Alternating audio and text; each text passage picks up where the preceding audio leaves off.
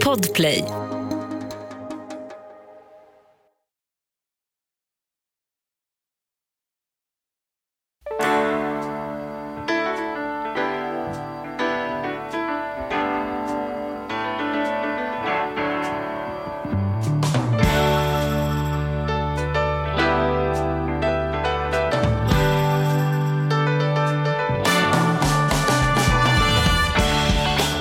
Varmt välkommen till Ekonomi på riktigt med Charlie och Mattias. Hur är läget Charlie? Det är bra. Du är ju direkt hemkommen. Du har varit ute på äventyr, eller hur? Jag hoppade ur bilen för exakt 14 och en halv minut sedan från Övik.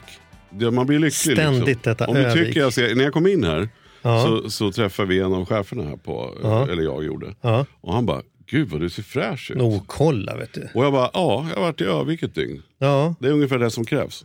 Men du kanske är någonting i ditt hälsoprojekt också, som att det börjar ge resultat. Ja, det, det, det kan nog vara en liten bidragande orsak. Men, men jag tror Jag tycker också mest- du ser fräsch ut. du Inte bara så här Övik-fräsch. Det kan ju också bero lite på att malleten är borta. Och så. Malleten är borta och Ja. det gör nog en stor del, eh, får jag säga. Okej. Sen eh, är jag nog... Men du, vad gjorde du i Övik? Vi måste liksom... Nej, men man måste ju åka till Övik då och då för att behålla, liksom, ja, för att hålla, hålla sig i form helt enkelt. Sen har det gått bra för Modo eh, nu. Modo är någon typ av sportbollslag, va? Ja, det är ett, det är ett eh, hockeylag Ja. som finns uppe i Övik. Och sen har jag lite kompisar uppe i Övik.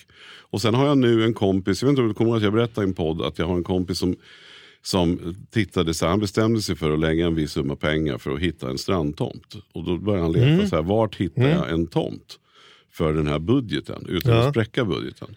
Ja. Så det han gjorde var att han då började titta, eh, han är, han är från Nyköping från början, så började han titta så åkte han ut med kartan söderut. Ja. Och sen kom han runt Malmö och sen så kom han upp och så förbi Göteborg och sen Ja. hela vägen upp till Norge. Och det fanns Blev ingenting fortfarande som aldrig rätt. Det var för dyrt. Så då började han gick från Nyköping och så gick han uppåt i landet. Mm.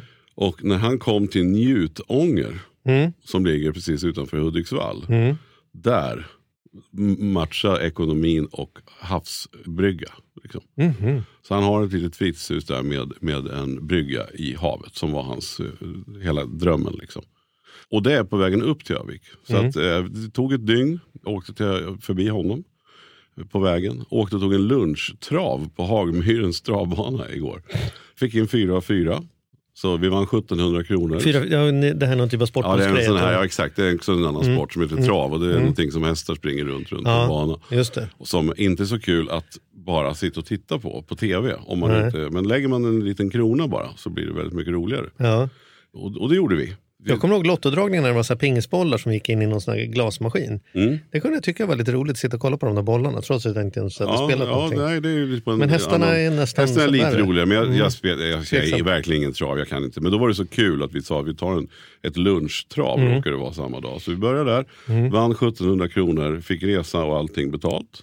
Ett ekonomitips här i Nej, Ekonomikritik. det är inget ekonomitips, det måste jag erkänna. Men jag måste ju säga som det. Ja. Och sen vart det en lunchtrav och sen bar det upp till Övik och sen vart det hockey. Och sen Ja. åkte vi tillbaks till Hudik och sov där en natt. Och sen så pendlade jag ner. Och hur gick sportbollen då? Den vann. Nej, det, det var inte Vi, så bra. vi går vidare. Ja, Okej, vi går vidare. Vi tar veckans gäst istället. Ja, men det gör vi. Ja. vi. Det här är ju väldigt kul. Det Ja. här är ju ett gäng sköna, ja, de är inte så jävla unga längre. Men, de, Men inte så sköna längre tror jag du skulle säga. Jo, sköna är de ju. Ja. Mm. Mer sköna än någonsin. Men jag har alltid varit väldigt fascinerad. För jag har en viss koppling. Jag, jag har liksom haft koll på det här gänget Mm. ändå. Eh, Ganska länge skulle jag vilja påstå. Eh, Jag såg en, ja, vi, vi ska ta det strax. Mm. Men vi börjar med en fin presentation. Och då har vi från Crazy Pictures i Norrköping, Albin Pettersson. Varmt välkommen.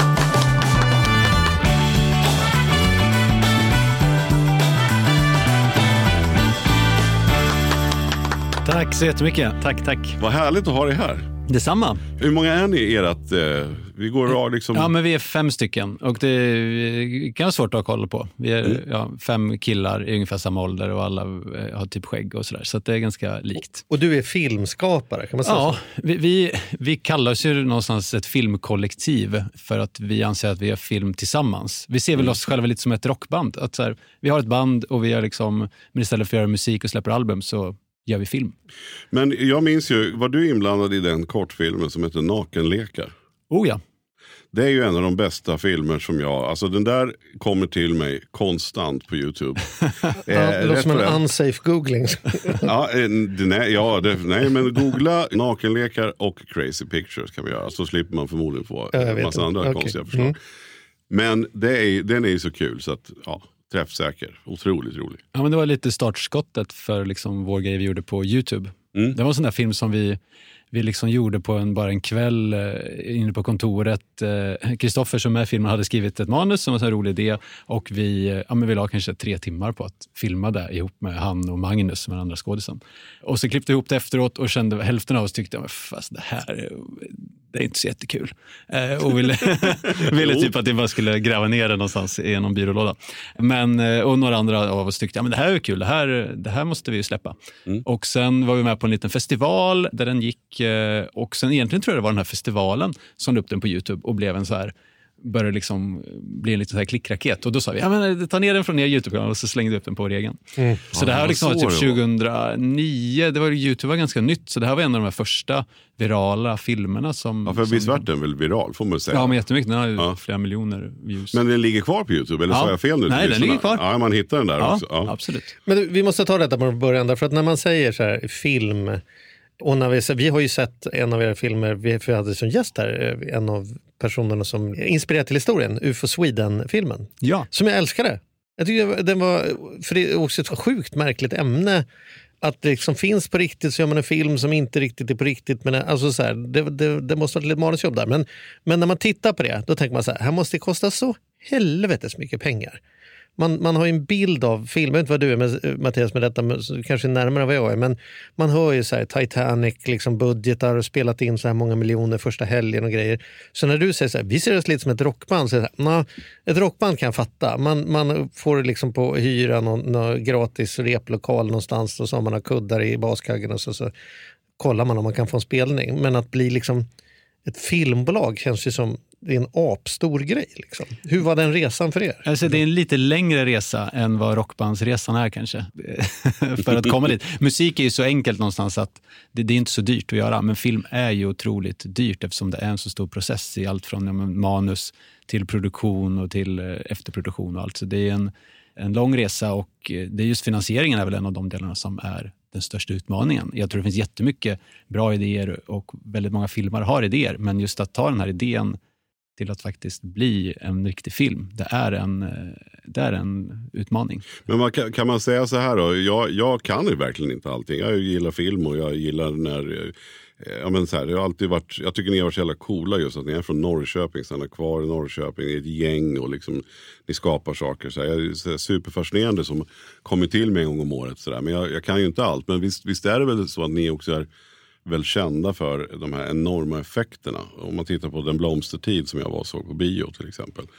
Ja, nej men, det är vi... magiskt vad ni lyckas göra och då har jag förstått utan att ha en Hollywoodbudget. Ja, nej men det, vi har väl någonstans liksom haft, alltså ända sedan vi började göra film när vi var yngre så, så har liksom effekter varit ett verktyg som vi har liksom tagit till ganska... Alltså så här, det, det har varit en del av vår verktygslåda, precis som man har en kamera och man har eh, liksom ljus och, och, ljud så har man också effekter. Mm. Och Eh, därför har vi liksom någonstans lärt oss att hantera det och eh, det blir också en del i vårt skapande när vi liksom skriver manus eh, och sådär så, så implementerar vi effekterna ganska naturligt. Alltså vi gör ju filmer med en historia. Det är inte heller bara att vi gör en film för effekternas skull. Liksom så. Det är en balansgång hela tiden. Men ja, vi, vi, vet ju till exempel, jag och Charlie har ju, när vi gjorde Lyxfällan en gång back in the day så, så var vi borta ett tag, sen kom vi tillbaka och då skulle göras en, en häftig trailer. Liksom att så här, nu är de tillbaka. Och det gjorde vi, det var inspiration från filmen eh, Reservoir Dogs. Reservoir Dogs. Så vi var ute någonstans och, och, det skulle regna så det var en regnmaskin. Alltså vi fick se så här. Men bara den lilla trailern som då var på 45 sekunder höll vi ju på. Alltså det var ett, det, vi var nästan där ett dygn. Ja. Om folk och då var det mesta filmat redan innan vi kom. Det var ja. ju bara de, de grejerna vi skulle vara Vi skulle ha, hade två repliker och ja. skulle gå. Och det roliga var att vi fick faktiskt en väldigt kul grej. Den här, ja, det är så jävla kul. För jag kommer vi, alltid upp den här, här är, alltså, Vi spelade in dagen innan midsommarafton. Det är väldigt ljust ja, Det hann bli midsommarafton innan vi... ja, ja, oh ja, det hann bli. Nej, men det var ju alltså mellan 12 och 3 som det var mörkt. Ja. Och då var vi tvungna att vänta in mörkret för vi skulle gå då i, i regn och mörker. Och då skulle vi titta upp och så här, vi skulle ha en viss blick. Liksom. Och, och vi var rätt trötta. Det ser jävligt hårda ut kan man säga. Ja, vi skulle också se hårda ut. Svårt för oss att se Ja, hårda ut. Men, men de gjorde sitt bästa. Mm. Men när vi gick där och, och sen så var det så här, regissören bara en gång till. Vi fattade, hur fan, hur svårt, det vill bara gå för helvete. Och så var vi tröttare och tröttare. Och sen till slut Blöt så hade vi kostym, fått. fy fan att gå Ja, i blöt helt blöt. kostym. Och sen hade vi fått direktiv att nu har ni hittat rätt blick och ni har hittat allting. Så nu är det sista tagningen. Och jag kände så här, vi ska ha gäster, jag måste bara åka härifrån. Då går vi iväg. Sen visar det sig, och, och både Charlie och jag kände så här, high five, nu är vi klara. Liksom, nu får vi åka hem. När regissören säger, det där såg lite konstigt ut, ni måste nog gå igen. Och vi bara, va? då, då har vi gått och Charlie, Charlie börjar plötsligt gå passgång. Och då tänker man sätter fram vänster hand och vänster fot samtidigt. Det såg ju fan Men det var någonting med liksom att det skulle göras någon sån här rugged axlarna före-gång. Ja. Och i den där liksom Ja, John. Wayne-gången så, så plötsligt så blev det att jag gick liksom passgång. Och finns den här trailern då på Youtube? Och? Ja, det kan- gör finns det. Den, den finns nu färdiga. Men då eh, fick jag göra om det ja. då, så att det är inte passgång tror jag på eh, den som är min trä- Det har jag faktiskt inte tänkt på. Med tanke på hur många gånger jag dragit upp den här historien. Jag har faktiskt inte kollat om jag passgångar i eh, trailern. Nej men i trailern gör du inte det. För Nej. då fick vi ju ta om det. Så det, Ja. blev, ju, det blev rätt. Men då, ser, men, men då får man ju respekt för Ja, men jag märker Hur- det. hur det stor vid 45 produktion sekunder det tog så här Mm. mycket tid. Och då förstår man när man tittar på era filmer, även om ni är vansinnigt duktiga rent grafiskt, så kan ni inte göra allting i datorn. Det, det måste Nej, vara nej, ett enormt jobb med en film alltså. Och vi älskar att göra grejer praktiskt och det är någonting vi har liksom utvecklat så vi mer och mer gör, gör praktiska effekter. Så det har ju med åren blivit någonting som vi har lärt oss mycket mer av och någonting som vi också försöker använda oss av hela tiden. Så UFO Sweden är ju väldigt mycket praktiska effekter mm. gjorda. Men, men en sån film, det, den är, det är liksom vanlig spelfilmslängd. Den är ju en jävligt cool film, men den är ju en ganska va- man kan säga, det är en vanlig film. Vad, kost, vad kostade den? En Eh, vanlig Sweden film? kostade 40 miljoner. 40 Och miljoner. jag, säger, en van, alltså, jag tror snittbudgeten på en svensk film är kanske någonstans runt 30 miljoner. Ja. Men sen går ju budgeterna upp hela tiden så att många filmer ligger ju mellan, om jag skulle säga så här, säkert 35, 40. Och om vi skulle kunna få så här Lyxfällan budgettavlan på de 40 miljonerna, Mm. vad användes de till? Liksom, alltså, ungefär, man får en känsla för. Eh, nej, men, Ditt gage 20 miljoner. Exakt, det är främst jag som kostar. Ja. Eh, oj, nej, men det, det, är ju, men det är ju hela... Allting kostar ju. Liksom. Det är mycket, jag ska säga, mycket är löner till liksom alla inblandade i projektet, för det är ju någonstans det som kostar. Och det är en ganska så lång utvecklingskostnad med liksom skriva manus eh, och hela den biten. När börjar ett sånt projekt? Hur långt innan Eh, från ja, jag kan gå och se den? Kanske mm, tre år ungefär. Så någon har fått, måste ha lön i tre år och det är inte bara någon, det är många. Ja, exakt. Ja, men Ja. Man kanske har utveckling, den, den kanske hållit på i två år ungefär, men då är det Mm. liksom ett fåtal som jobbar med det. Och man kanske inte jobbar heltid, utan man skriver manus, sen vänt, liksom skickar man runt till olika finansiärer och man skickar feedbackrundor och sen ska man uppdatera, göra nya. Sen är någon intresserad, någon inte intresserad, någon tycker så här. Så det är liksom en ganska lång process att just få ihop idén, manus ihop med en finansiering och sen ska man räkna på det. Sen inser man för varje version, oj nu blev det dyrare, det blev ännu dyrare. Men räknar man på också då så här när vi är break-even på en film? Alltså, för nu är det ju så många tjänster tänker jag. Och det beror på vilken plattform som sen plockar upp. Och, Mm, mm. och hur bion har gått och sådär. Men, men har ni, liksom, när är ni break-even redan? Eller, eller vet, ni, vet du när det kommer hända? Eh, ja, men Filmen ja, kan jag säga för tittarna som inte har sett UFO Ja. hade ju premiär i julas då. Exakt, Och nu är vi, ja. nu är vi höst här. Ja. Liksom. Det beror lite på hur man ser på break-even. eh, Det räknar man ju på. Och det största fönstret, just UFO Sweden är finansierad ganska så traditionellt. Att det är en distributör, SF Studios, så har man tv-kanal, SVT med. Och sen har man lite regionala fonder. Vi har Norrköpings filmfonder med. Svenska Filminstitutet som är statliga pengar är med. Och vi har med Film i Väst som är liksom Västra Götalands region. Och sen har man lite så nordiska pengar från någon fond. Så de tillsammans har gått in för att göra filmen, varav en del är lite mer mjuka pengar som man kallar det. Och det är ju då är det från Svenska Filminstitutet eller från Filmfonden som de pengarna behöver inte betalas tillbaka lika snabbt. Du, Mm. du behöver tjäna in 130 procent av, liksom, av budgeten för att be, behöva betala tillbaka. Men det måste de också pengarna. vara mycket för de här som är med och betalar tänker jag nu. Då. Nu hoppar vi lite men det är så jävla roligt Ja, att ja. höra. Jag blir så, man går igång. Men, men som jag tänker om Film i Väst är med för att ta ett Mm. exempel. Har inte de då också något krav att någon, det måste finnas en koppling till Jo. västregionen till Exakt, exempel? ja. Så vi som UFO till exempel är, den är klippt i eh, Västra Götaland tillsammans med klippare där och vi har gjort ljudmixen. Vi har liksom mixat Ja. hela filmen där. Och sen För, en del de team... måste ju få en här incitament att gå in Ja, med pengar. vi, vi, måste spe, på. vi måste spendera pengar där för att Ja. få deras pengar. För det är det som blir värt för deras region, att det, Mm. det läggs eh, pengar där som blir sk- skatteintäkter i slutändan. Ja. Liksom. Men vad, vad tror du då? Innan, för jag förstår att det är svårt att säga break-even. Men när, när har filmen, brukar säga den här filmen har spelat in så här mycket pengar. Liksom. Mm, När har den här spelat in 40 miljoner? Eh, ja, men det, jag tror inte det kommer hända. Nej. Och så är det nog med många svenska filmer, att det är, ett, eh, det är inte jättemånga filmer som går break-even och som man är liksom en Man är stor alltså vinst i. beroende av stöd helt Ja, enkelt. man är jätteberoende av stöd. Ja. Så att, eh, ja, men just de här pengarna betal, pratar om just eh, SFI-institutet som, som man måste betala tillbaka efter 130 procent. Det tror jag väldigt, det, är inte, det händer liksom väldigt, Nej, väldigt det är inte sällan. många gånger de får tillbaka. Nej, de får inte tillbaka så mycket pengar Nej, men det är snällt att de finns där. Men hur många minuter Hollywoodfilm hade man fått för 40 miljoner? Ja, men inte mycket. Hur mycket Top Gun? Hade man fått två, tre minuter? kanske? Ja, ja kanske. Eller någon, en 30 sekunder i alla fall. Men det är det som är så fascinerande hur ni, för jag älskar svensk film och just det här att, att man måste ha en annan, det är så löjligt om man hör folk som, det är ungefär som att jämföra en italiensk pizza och en American pan pizza. Någon säger så här, de här är inte tunna, nej men det är en pan pizza. Och det kan, kan jag tänka mig, produktionerna, man kan inte sitta och jämföra att det här var inte lika coolt som i Mission Impossible.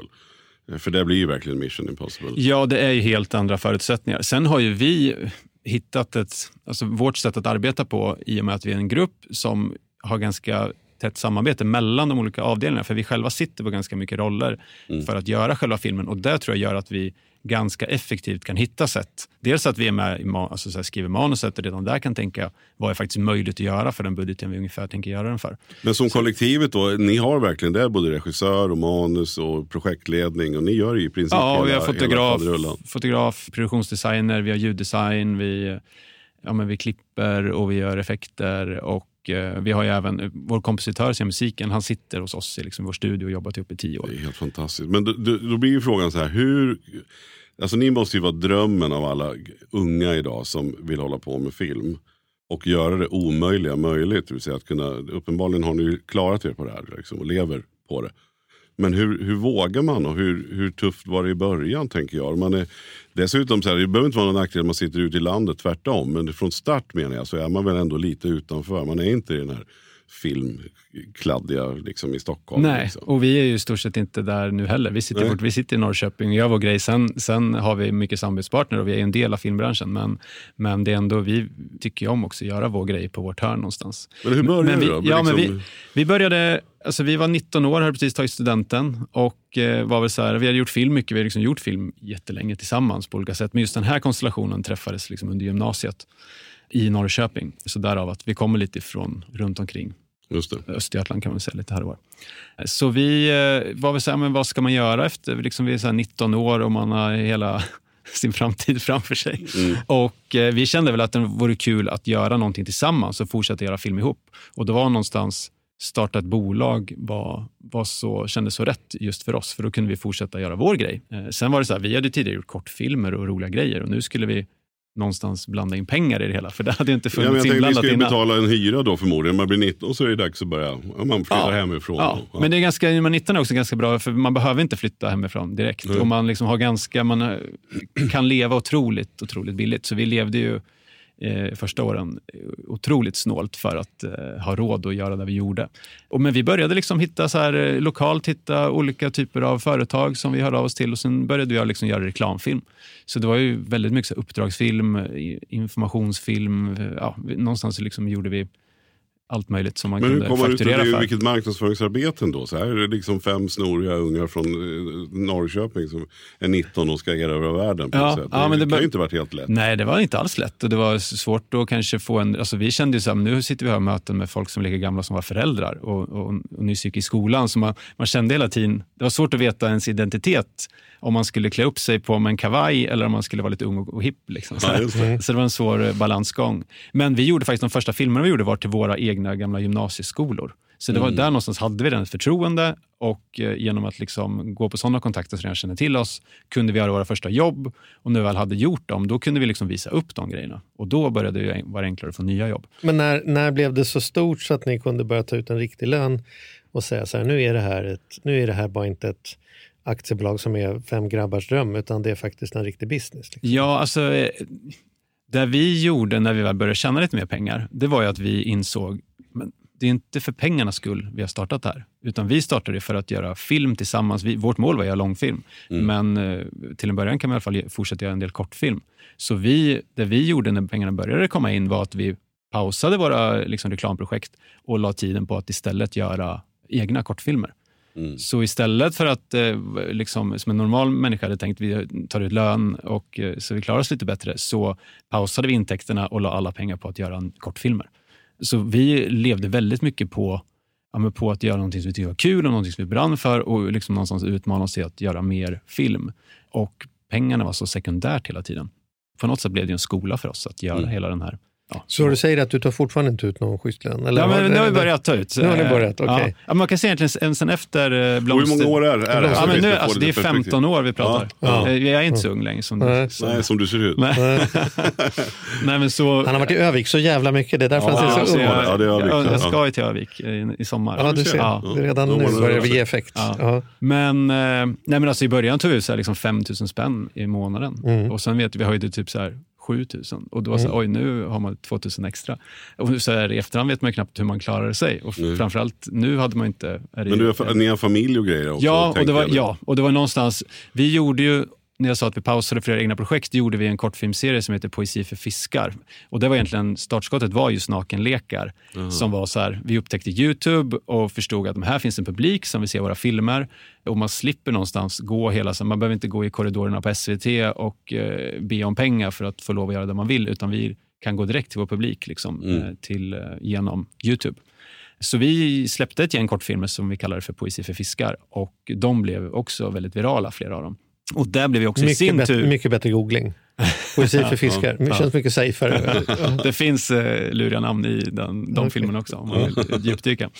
Men, ja, men det gjorde ju också att det blev i sin tur en jättebra marknadsföring för vår verksamhet. Så det gjorde ju att vi kunde få större reklamfilmserbjudanden. Så i och med att vi släppte de kortfilmerna så fick vi bättre budgetar på våra reklamfilmer. Så de liksom växte lite tillsammans. Men drömmen var ju hela tiden att göra den här långfilmen. Och vår första långfilm var ju då Den blomstertid nu kommer. Men då var vi så här, 23 år, vi ville göra Sveriges fetaste långfilm. Eh, Vi har inte gjort en långfilm innan. Vår publik är liksom, ja, men det är de, det är de här 15 till 25-åringar som sitter på Pirate Bay liksom och Mm. inte Mm. går på bio. Och så, så det var liksom en lurig, en lurig sits just att, att vi också ville göra det på vårt sätt. Vi var inte så sugna på att göra det med ett annat stort produktionsbolag utan vi ville göra filmen på vårt sätt, med vårt bolag. Jo, och apropå Den blomstertid så var ju jag som jag sa på bion där. Ja. Och det var ju publiken, man var ju helt häpen. Man visste inte vad man skulle tycka. Det var ju så mycket effekter och coola grejer. Men hur, hur kom den till? Ja, och det var en idé som vi hade ganska tidigt. Och vi, hade ju så, vi har ju inte gjort någon långfilm innan. Och att göra sin första långfilm är lite som att göra sitt första jobb. Det är ju skitsvårt att, att göra det. Och vi hade ju otroliga ambitioner med att det här projektet skulle bli, ja, men det skulle bli så bra och det var, innehöll just mycket effekter. Mm. Så vi blev ju väldigt ifrågasatta. Ska de här 24-åriga killarna kunna lyckas genomföra det här projektet? Mm. Eh, och vi, vi hade en budget på 18 miljoner, vilket också, alltså, det är ju där blev Ja, man istället frågasatt, hur kan ni göra det för så här lite pengar? Ja. Ni måste ha mer pengar. Men vi sa, men vi får ihop det för de här pengarna. Men så det vi gjorde var att vi gjorde en trailer för filmen innan den fanns. Och eh, sen la vi upp den på Kickstarter som är sån där, Ah. eh, Ja, ja, men en sida där man egentligen kan kickstarta vad som helst. Om man har en företagsidé eller en produktidé så kan man liksom få folk att köpa produkten innan den finns egentligen. Så vi ja, men, sålde eh, DVD-er och Blu-rays så man kunde få vara statist i filmen och få läsa manuset. Och drog in, vi hade som mål att få in typ 300 000 kronor på ett, en månad där man har. Och vi fick in 300 000 på ett dygn. Fantastiskt. Och sen fick vi in ungefär 800 000 totalt. Och det är ju inte jättemycket av de här 18 miljonerna. Men det det gjorde var ju att i branschen blev det ju, ja, men det blev den där Kickstarter-filmen. Och plötsligt vågade liksom alla andra finansiärer också hoppa det på var väl projektet. en av de första crowdfunding-grejerna egentligen. Ja, men som långfilm hade det gjorts något exempel innan. Så här, Ja. Och den här Kang Fury, den här kortfilmen uh, Urballade, den hade gjorts som var ju så megasuccé. Så vi, Den vi där, var, med, den där med nazister på månen tror jag också gjordes väl? Ja, det gjorde den. Exakt. Det var också någon Eh, crowdfunding. vad den heter. Mm. Nej, men så, så det var ju ett sätt att utnyttja, alltså liksom att, att vi tog tillvara på publiken som vi hade byggt via våra Youtube-filmer. Det var egentligen för vi hade en publik där. Mm. Vi gjorde den här trailern som blev fet Och den kombinationen gjorde att de vågade gå in i den. Ja, det är väl de första 800 000 som är viktigast tänker jag, i, Ja. i en totalbuffert så att man kan komma igång. Så man har liksom, då, är, då är man där. Liksom. Ja, men då har någon vågat satsa och nu Ja. var det flera tusen som vågade satsa. Och då Ja. kan de som sitter på mer pengar säga, men okej, då vågar vi också satsa en bit. Sen satsade alla väldigt lite för det var en ganska liten budget. Men, och, och den, eh, den eh, gick vi break-even på. Mm. För att den också, när du har en mindre budget är det enklare att gå break-even. ja, ja, jag tror ni kommer gå break-even med ufod också, garanterat. vi får se.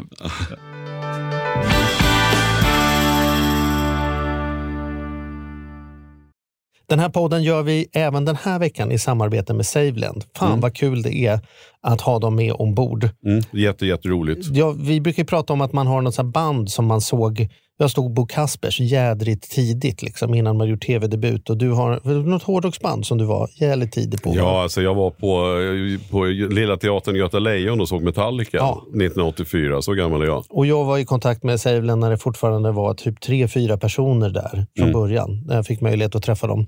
Eh, och nu är de ett stort bolag, fyller tio år, finns på börsen och jobbar helt enkelt med att vanliga privatpersoner och företag kan investera pengar eh, i eh, lån och krediter.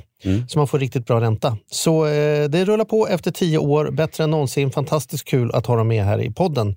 Gå in, testa, kolla. Vi har en kod som gör att om du öppnar ett konto och använder på riktigt får du dessutom en insättningsbonus just nu. Precis, och vill man veta mer så som sagt gå in på saveland.se. Man kan också lyssna på Ludvig som har varit gäst i vår podd två gånger. Då får Ja. man en ännu bättre inblick i Ja. vad, vad det är de pysslar med egentligen.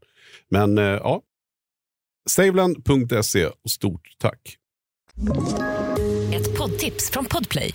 I podden Något Kaiko garanterar östgötarna Brutti och jag, Davva, dig en stor dos skratt.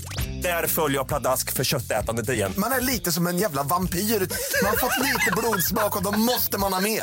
Udda spaningar, fängslande anekdoter och en och annan arg rant. Jag måste ha mitt kaffe på morgonen för annars är jag ingen trevlig människa. Då är du ingen trevlig människa, punkt. Något Kaiko, hör du på Podplay. Därför är. Min erfarenhet också när man startar som ung företagare så är det ju ofta en utmaning kanske rent av att man är två personer.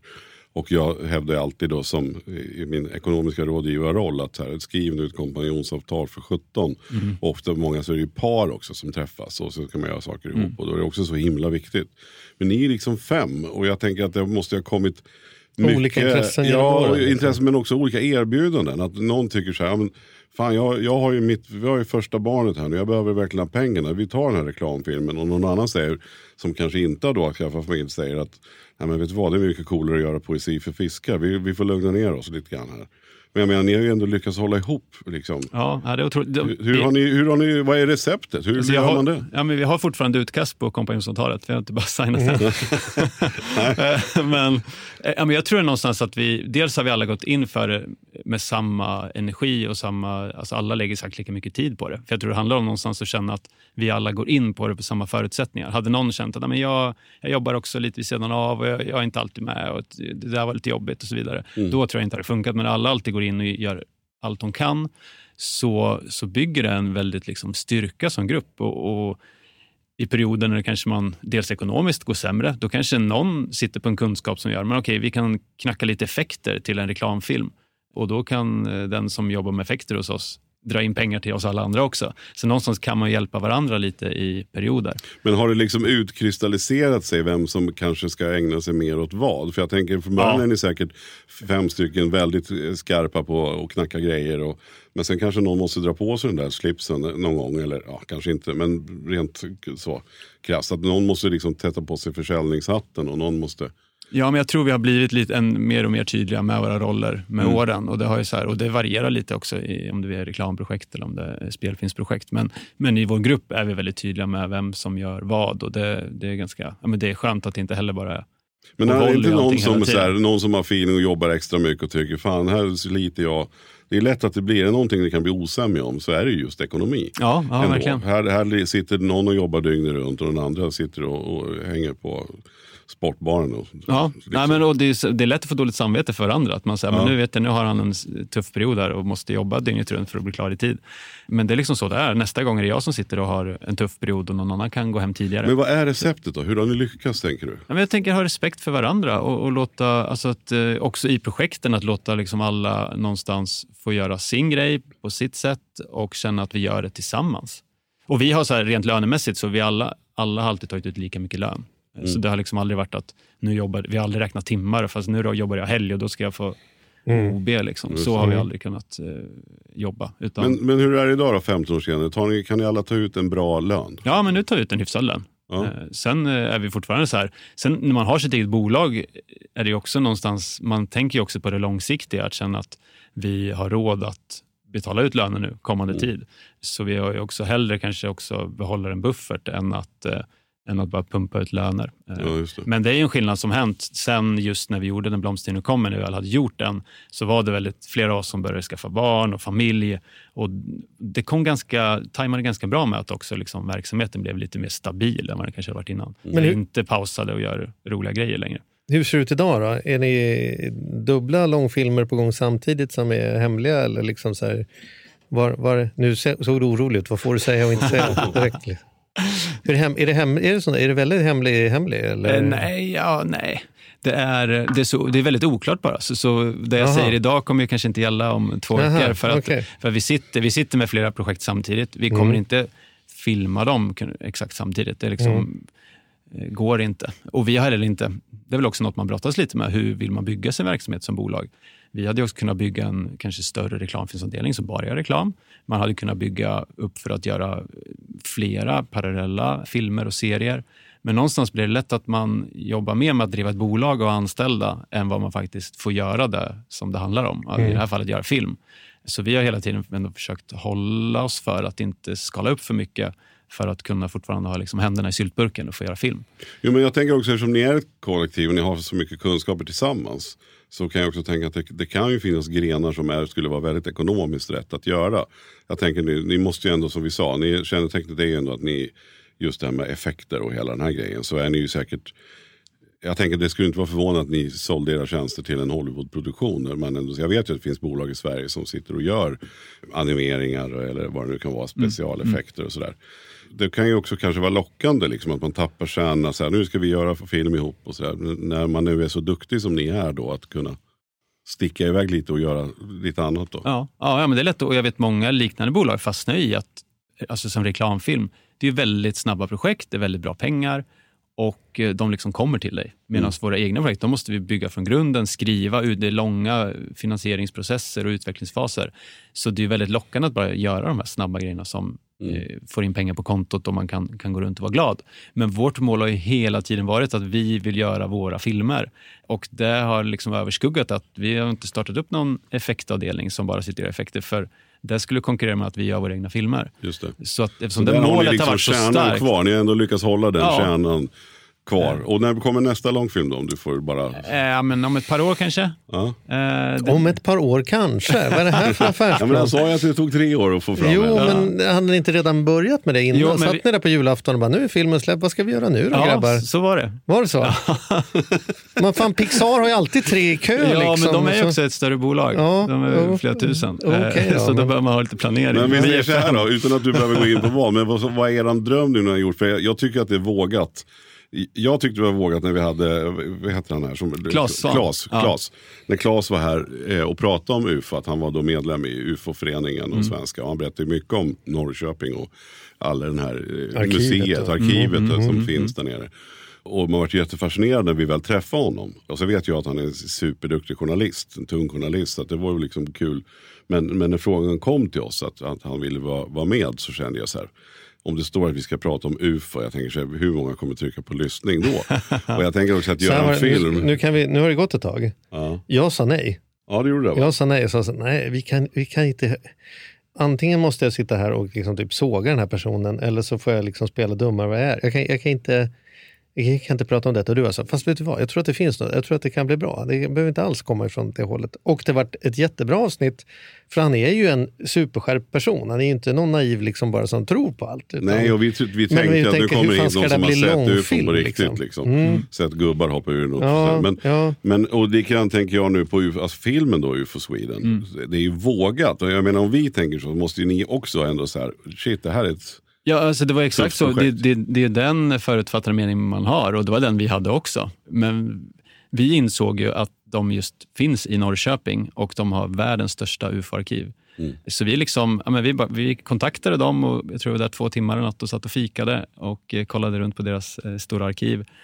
Och kände att hur det, liksom, ja, men hur det inte var det här att de försökte inte övertyga oss om att det finns eh, precis, aliens. exakt. utan de jobbar med fakta och bevis och försöka förklara det som händer och försöka hitta bevisen. Och Sen förstår man också att det är fall som jäckar dem som är så här, men nio av tio grejer kan de förklara. Men den här tionde är ju Det ingen finns- som det kan finns förklara. den där lilla så det finns kvar, ju ja. någonting. Och det var ju där vi tyckte det var roligt att ta den här, ja, men det svenskaste vi har, så här, föreningslivet med liksom, eh, kafferep och styrelsemöten. Ja, det mycket Och- kaffe i den filmen. Ja, ja, men liksom, liksom ta den världen och korsa den med ett sci-fi-äventyr. Det var liksom där, vi- tänk om, faktiskt, tänk om Klas-gänget skulle hitta någonting och få ge sig ut på ett så oväntat äventyr. Och då hade det också varit kul att det är ett gäng liksom föreningspersoner som inte alls är de här Hollywood-hjältarna som Nej, får ge sig ut på den här resan. Men nu måste jag fråga, efter att ha sett UFO Sweden, då, Mm. då säger ni så här, ja, det där hade räckt till 30 sekunder av Top Gun.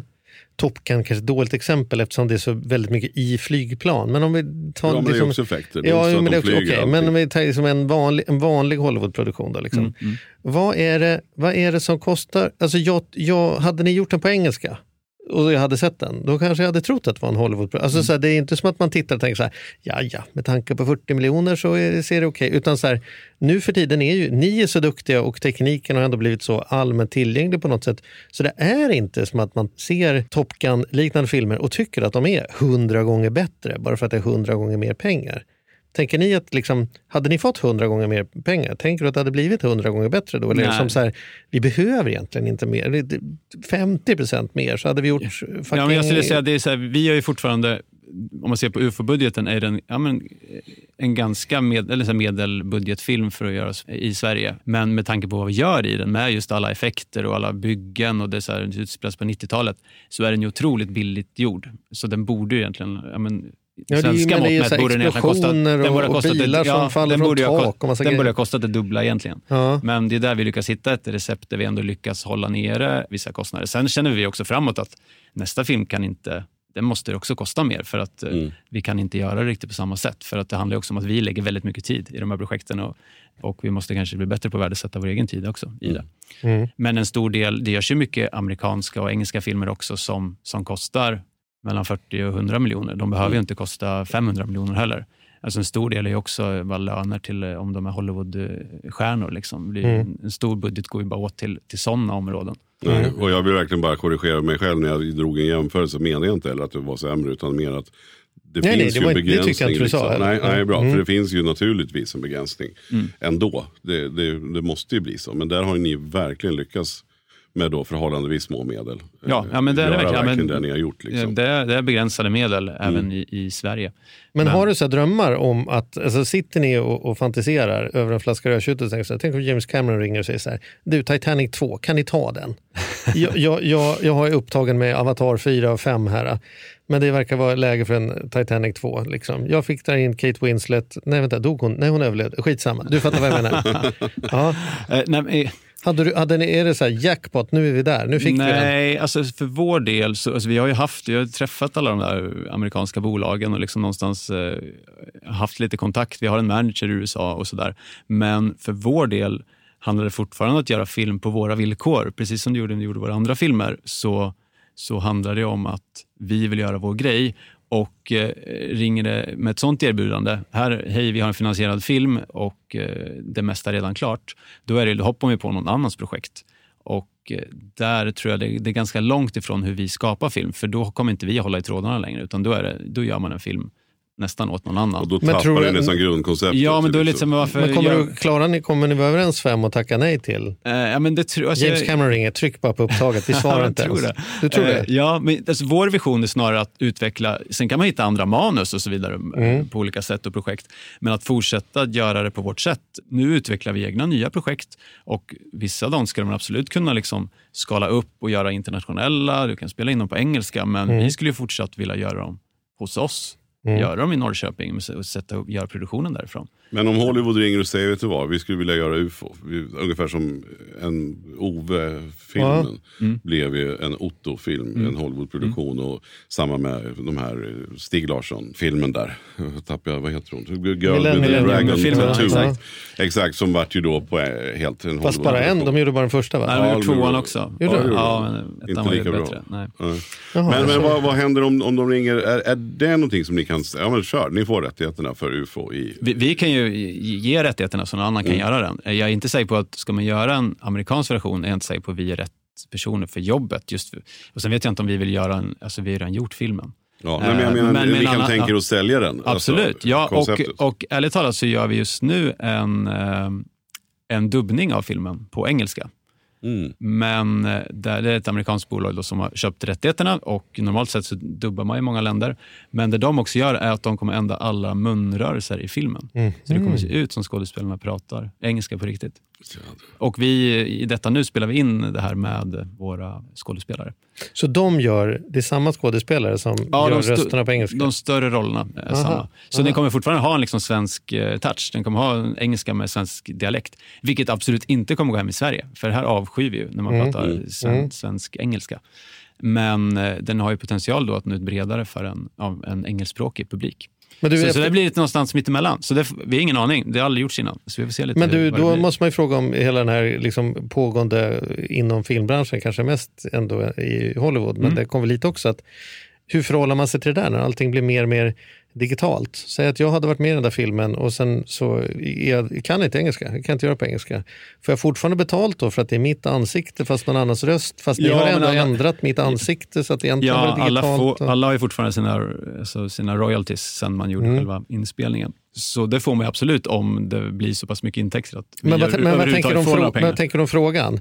Om ni kan bygga en digital Tom Cruise och göra en egen Top Gun 3 Ja. utan att han är med. Med, Ja, men det är liksom- en skillnad mot att justera Top Gun 2. Ja, jag förstår. Ja, men jag ja, vill ändå, ja. är ändå, om tio år är vi ju där. Ja, absolut. Nej, men det vad tänker, jag, vad tänker du om debatten? För debatten pågår ändå. För oss från utsidan är det lite så här svårt att förstå. Ja, liksom, fast vem kan bestämma, äga mitt utseende? Folk kan ju ta bilder på mig och publicera Expressen. Jag får inte en spänn för det. Liksom. Nej, nej, men det är det läskiga. Att man kan ju ta bilder från, från nätet och, och egentligen skapa att du gör någonting och säger Mm. någonting som du inte har gjort. Mm. Någonstans hela den här problematiken och möjligheten som finns med all ny teknik som AI då hjälper oss att skapa är ju lika mycket läskig som den är fascinerande. Och det finns ju, alltså om man ser AI som ett verktyg att kunna just göra vissa delar, eller som för vår del, man hade kunnat så här, eh, det här med munnarna, det går ju också att ändra vad skådespelarna säger i vår svenska variant. Eller att om man vill, vi sitter ju ofta och byter repliker i postproduktionen. Man får gå ut och filma igen för att vi vill att de säger andra saker, eller man lägger på efteråt. Här kan man ju plötsligt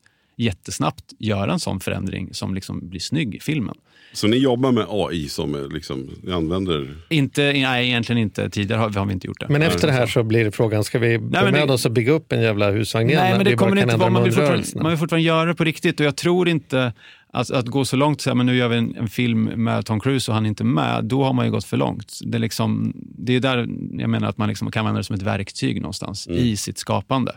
Och jag tror också, men för många är också rädda för att nu försvinner alla jobb. Många liksom behöver bytas ut och så vidare. Men jag tror snarare att liksom som även som inom effekter och så vidare kommer AI-tekniken göra att man kan jobba effektivare och göra nyare, häftigare grejer. Men vi behöver ju fortfarande vara där och skapa det och använda det som ett verktyg.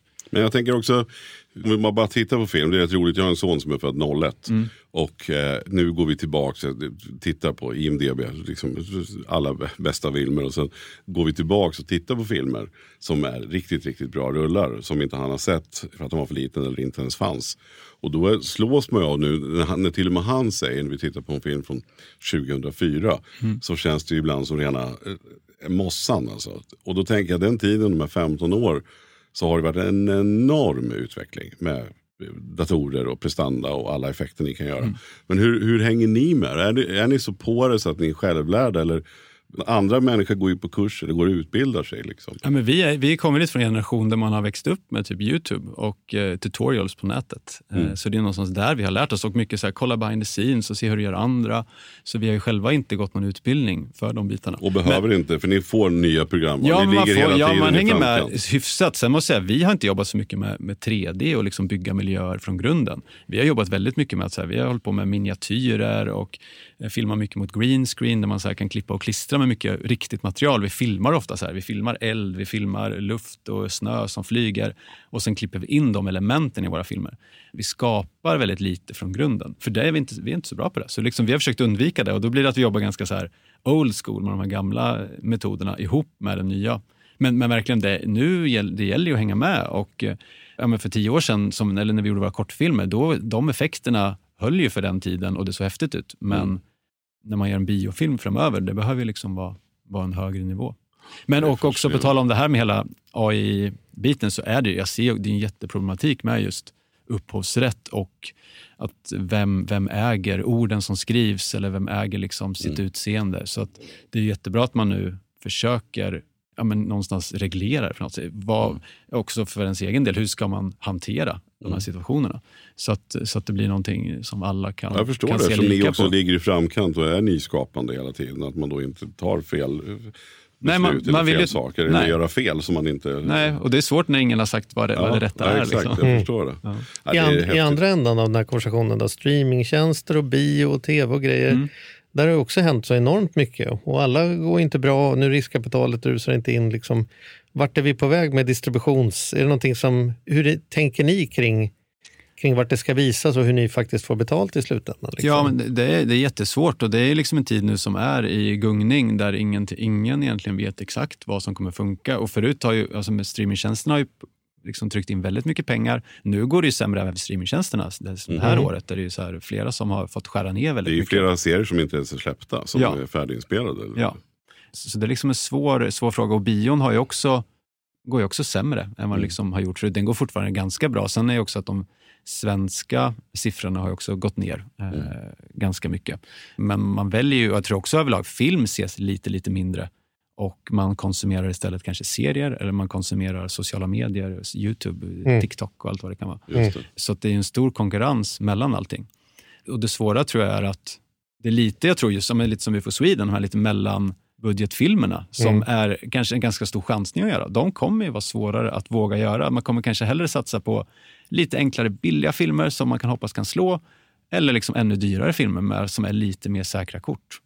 Så jag tror att det liksom Det ska bli spännande. Vad, vad, vad, vad har ni på jag säger, inget konkret, Jag förstår att ni inte kan säga idéerna, men du säger att det är kanske ett par år till nästa långfilm. Men, men åt vilket håll går ni då? då? För ni är ju ändå, jag ska inte säga smala, för det men, men det är ändå speciella ämnen ni har gjort. Liksom. Ja, men vi, och, någonstans är det genrefilm kan man väl säga liksom generellt är något som vi brinner för. att, eh, att eh, Det liksom har ju varit, men det här var ju en äventyrsfilm och den förra var mer en action-dramafilm.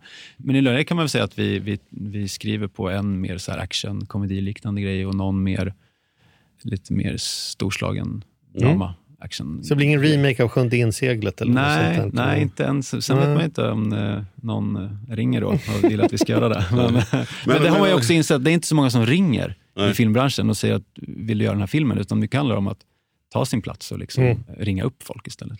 Men hur, eh, om man nu vill som lyssnare då, så dels så ska man absolut se UFO Sweden om ni inte har sett den. Men om man vill kolla in eran, eh, var, var går man om man vill se era, era verk? Liksom? Eh, Er hemsida? Eller? Ja, men vår hemsida crazypictures.se finns Mm. mycket av våra filmer. Sen finns ju våra kortfilmer även på Youtube. Och eh, Den blomstertid nu kommer då, som vår, vår förra film, den finns på, jag tror den, eh, den finns på liksom att hyra eller på någon Ja, streamingtjänst säkert också. ja, just det. Och UFO finns Sweden finns filmer finns. Ja, Så- UFO Sweden finns på Netflix främst nu tror jag. Ja. Och kanske SVT också. Ja, jag, det finns alltså, om jag fick ha en praktikplats en vecka någonstans så skulle jag ju liksom Ja. drömma om att men vi kanske kan få göra så att, om, att vi kanske kan få komma förbi och bara säga hej till gänget där nere. Ja, kom förbi sen när vi är igång med nästa projekt. Ja, det skulle vara så jädra kul. Och sen drömmer man ju om att någon gång få en statistroll också. Så här, som att man hade kunnat... Ja, just det. Det kan vi ju säga att vi ställer eller upp på. något, eller? Ja, 100 eller- procent ja. om ni söker statister. Då kommer Absolut. det. Ja. Det är bara att komma. Ja, kan vi Ja, göra bakom kulisserna. Ja, Ja, härligt. ja, vilken ära Albin att du kom upp till oss och hälsade på. Mycket Fantastiskt fascinerande. Och eh, vi kommer fortsätta följa er med spänning. Ni är ju helt jädra grymma. Ja, det är ni fan. Men se till bara, signa på det där. Jag blir lite orolig med det här. Kompanjonsavtalet. Kompanjonsavtalet. Det, det, tro mig, det kan vara bra. Ja, ja, men vi, vi ska ta tag i det. Ja, det är bra. Toppen. Tack så jättemycket för att du kom. Ja.